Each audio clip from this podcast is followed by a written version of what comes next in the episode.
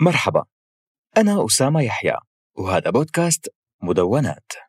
بهالموسم من البودكاست رح نحكي عن الأساطير والأساطير هون مو القصص الملحمية واللي بتحكي عن الآلهة القديمة وإنما الأساطير المخباية ورا تفاصيل ثقافاتنا اللي منشوفها منسمعها ويمكن منتعامل معها كل يوم. والأسطورة اللي رح نحكي عنها بهاي الحلقة هي عن نمط فريد من أنماط الغناء الشعبي بمنطقة بلاد الشام. وبسوريا تحديدا. تعالوا نتعرف سوا على الأسطورة بحلقة المصالحة.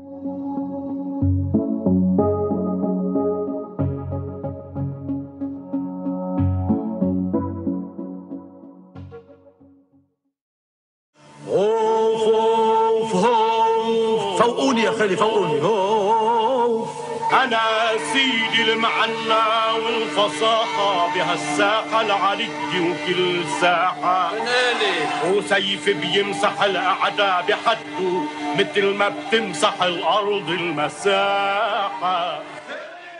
من نحن وصغار منسمع ألحان وكلمات وأنماط من الأغاني من دون ما نعرف القصص والحكايات اللي وراء هي الأنماط. المقطع اللي سمعناه واللي احتمال كبير تكون سامعه قبل إذا مانك سامعه فعلى الأغلب أنت قدرت تعرف صوت نصر شمس الدين المقطع هاد من مسرحية المصالحة من سنة 73 بيقول نصر شمس الدين بالبداية أنا سيد المعنى والفصاحة المعنى يا ترى شو هو المعنى؟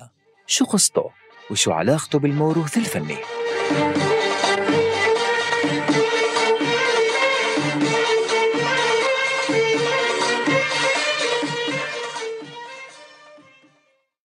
الغناء والشعر العامي والارتجالي بكتير من الأحيان ما شي جديد أبدا. فإذا رجعنا بالتاريخ لمئات السنين لعصر الأندلس بالتحديد رح نلاقي أنه مثل هذا النمط كان مواكب لزمن الموشحات الأندلسية وباللغة الدارجة كمان. وهو ما يعرف بالزجل يعني الزجل إجا من المغرب العربي للمشرق العربي وانقسم بعدين لأنواع كتيرة منها المعنى وكلمة المعنى عربية مشتقة من العناء. بس كمان في حكاية بتقول إنه هي الأنماط تواجدت بالمشرق قبل مجيئها من الأندلس حتى قبل مجيء العرب لسوريا ولبنان وإنه كلمة المعنى كلمة سريانية ومعناها المغنى. الأصل الحقيقي يمكن يكون مجهول بس المعلوم أنه بسوريا وبلبنان وبالدول المجاورة الشعوب لاقت الشعر والغناء العامي البسيط أقرب لوجدانها وحياتها وخلاها تعبر عن كل المواضيع اللي بتخصها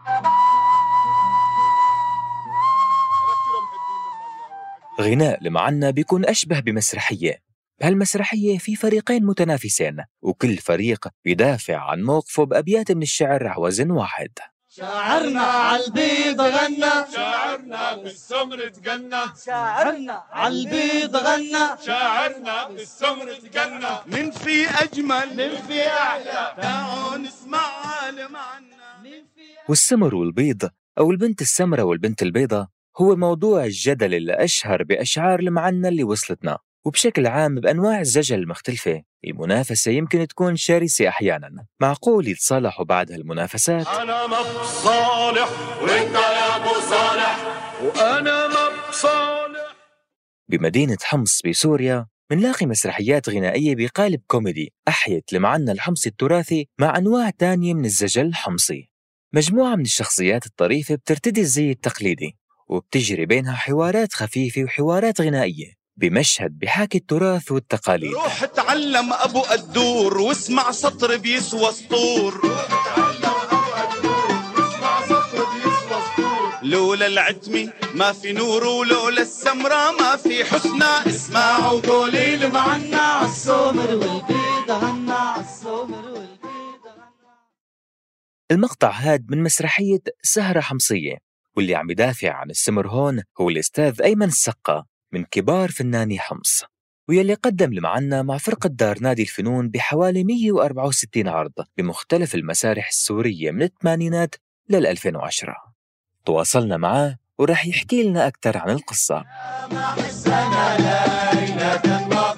يا ناس يا محسن ما كنا بها جلاس يا محسن ما كنا بها أربعة يا عيني حبي وأنا وشمعتي والكاس. بسوريا كل منطقة في إلى في إلى شكل من أشكال المنافسة كان بالزجل وإن كان بالمعنى بصيروا بالسهرات مشان الطرافي والندارة. أي أي شيء عادي بالمجتمع كانت يعني بين بعضهم بدهم يسهروا. شو في أدوات السهر؟ بيقعدوا قدام بعضهم اثنين ثلاثة شعراء وكلهم كانوا يتقنوا الشعر يعني. فلمعنا كان يقال بالأفراح أكثر شيء. لمعنا وصف البيضة والسمراء يقال بسهرات الأفراح. لما عندنا الحمصة اللي كان ينقال كان كانوا يقصدوا إنه البيضة بنت المدينة اللي ما أنا شايف الشمس والسمرة بنت الريف اللي بتشتغل بالحقل والسمرة لبست جزمتها وحطت على كتفها حزمتها. من المواضيع الثانية يلي كانوا يتغنوا فيها وما انشهرت مثل السمرة والبيضة بس ما بعدت كتير عنها هو الطويلة والقصيرة. بيقولوا حوارية عن الطويلة والقصيرة بس هاي ما انشهرت كثير ها وقفت يعني عند بيتين ثلاثة وما عادت تنقال بس أنا ابن البيئة مع أقعد مع الكبارية حفظتهم من اللي وصلنا من المعنى القديم بالسمر والبيض في أبيات فيها درجة من القسوة بالوصف. اللي كان ما ممكن يتقبلها الناس بعصرنا الحالي. حاجة تحكي حاجة حاجة مثل البيضة ما في غناجي والسمرة يا إجر الجاجي بالمزابل تبحشنا. يعني في هيك شغلات فيها شوية صوت. ففي العالم كانت ما في أدوات تسلية. العالم تضحك للكلمة.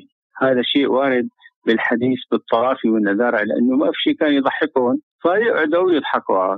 والبيضة هي وأصحابها بالمزابل كبة عنا كانوا يقولوها قديما هاي.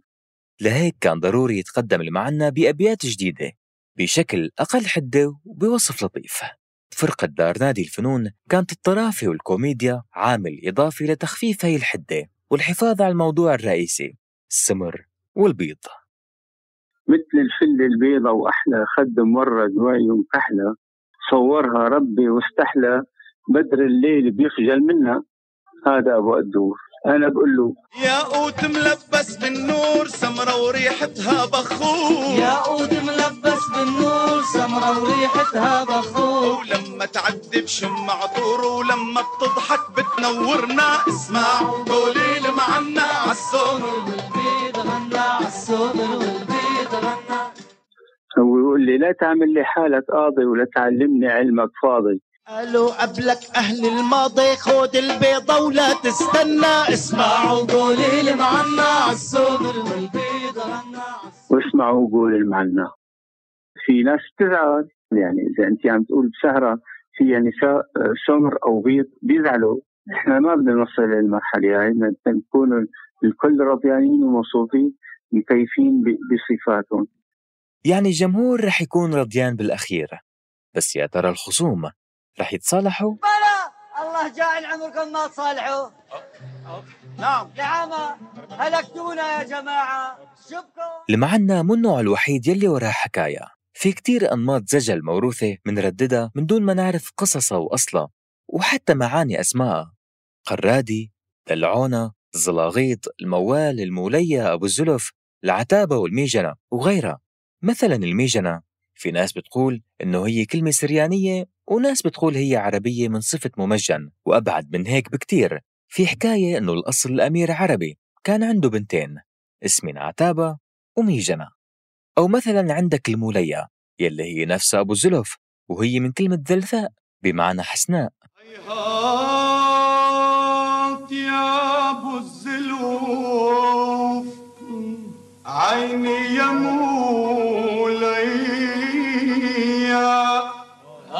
الوما بالوما وما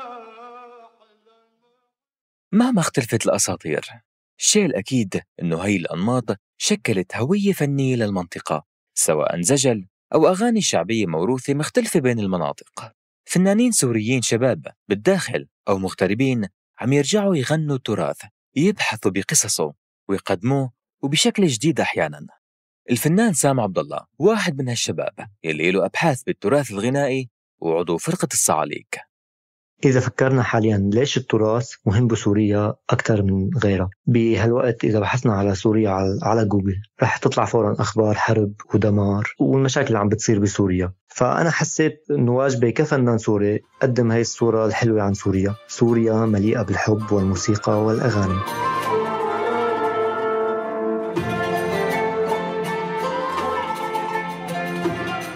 وغالبا ما بيرتبط موضوع تجديد التراث والبحث في التراث بمشاريع بتنظمها هيئات ومؤسسات معينة. فأنا لما حبيت أبحث في التراث ما أخذت معلوماتي لا من هي الهيئات ولا المؤسسات ولا ولا حتى من الجوجل يعني. أنا نزلت باتجاه الأرياف السورية اللي قادر أوصل لها بظل هاي الحرب. التقيت بأشخاص كبار بالعمر وختيارية هن خبروني عن هاي الأغاني. بعدين لما رجعت التقيت بأعضاء فرقة الصعاليك ب 2014 كنا بنتشارك نفس الاهتمامات تقريبا وفعلا لقينا مستمعين ناطرين بشغف يعرفوا عن تراث بلدهم.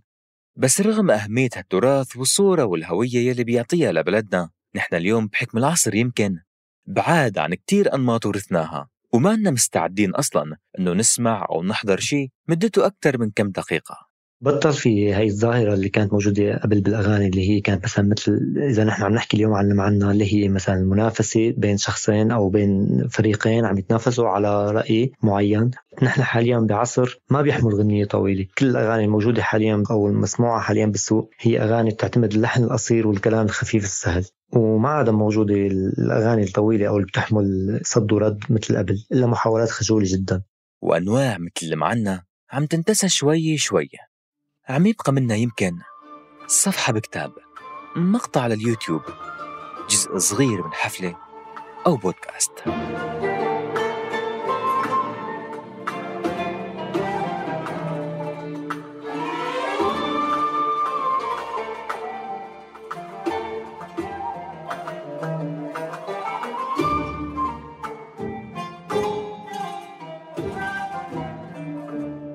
صحيح. قد ما طال الصد والرد بالنسبة للمعنى بحب طمنكم أنه بيتصالحوا الفريقين بالأخير ولا السمرة ولا البيضة بتنتصر وبيبقى كل فريق على موقفه.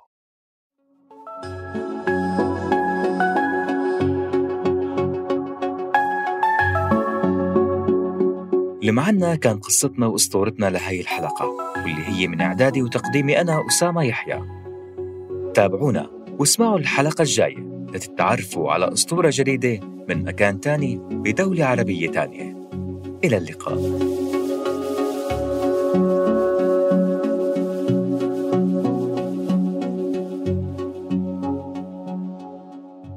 هذه الحلقة من مشروع مدوناتية من إنتاج المورد الثقافي والمجلس الثقافي البريطاني.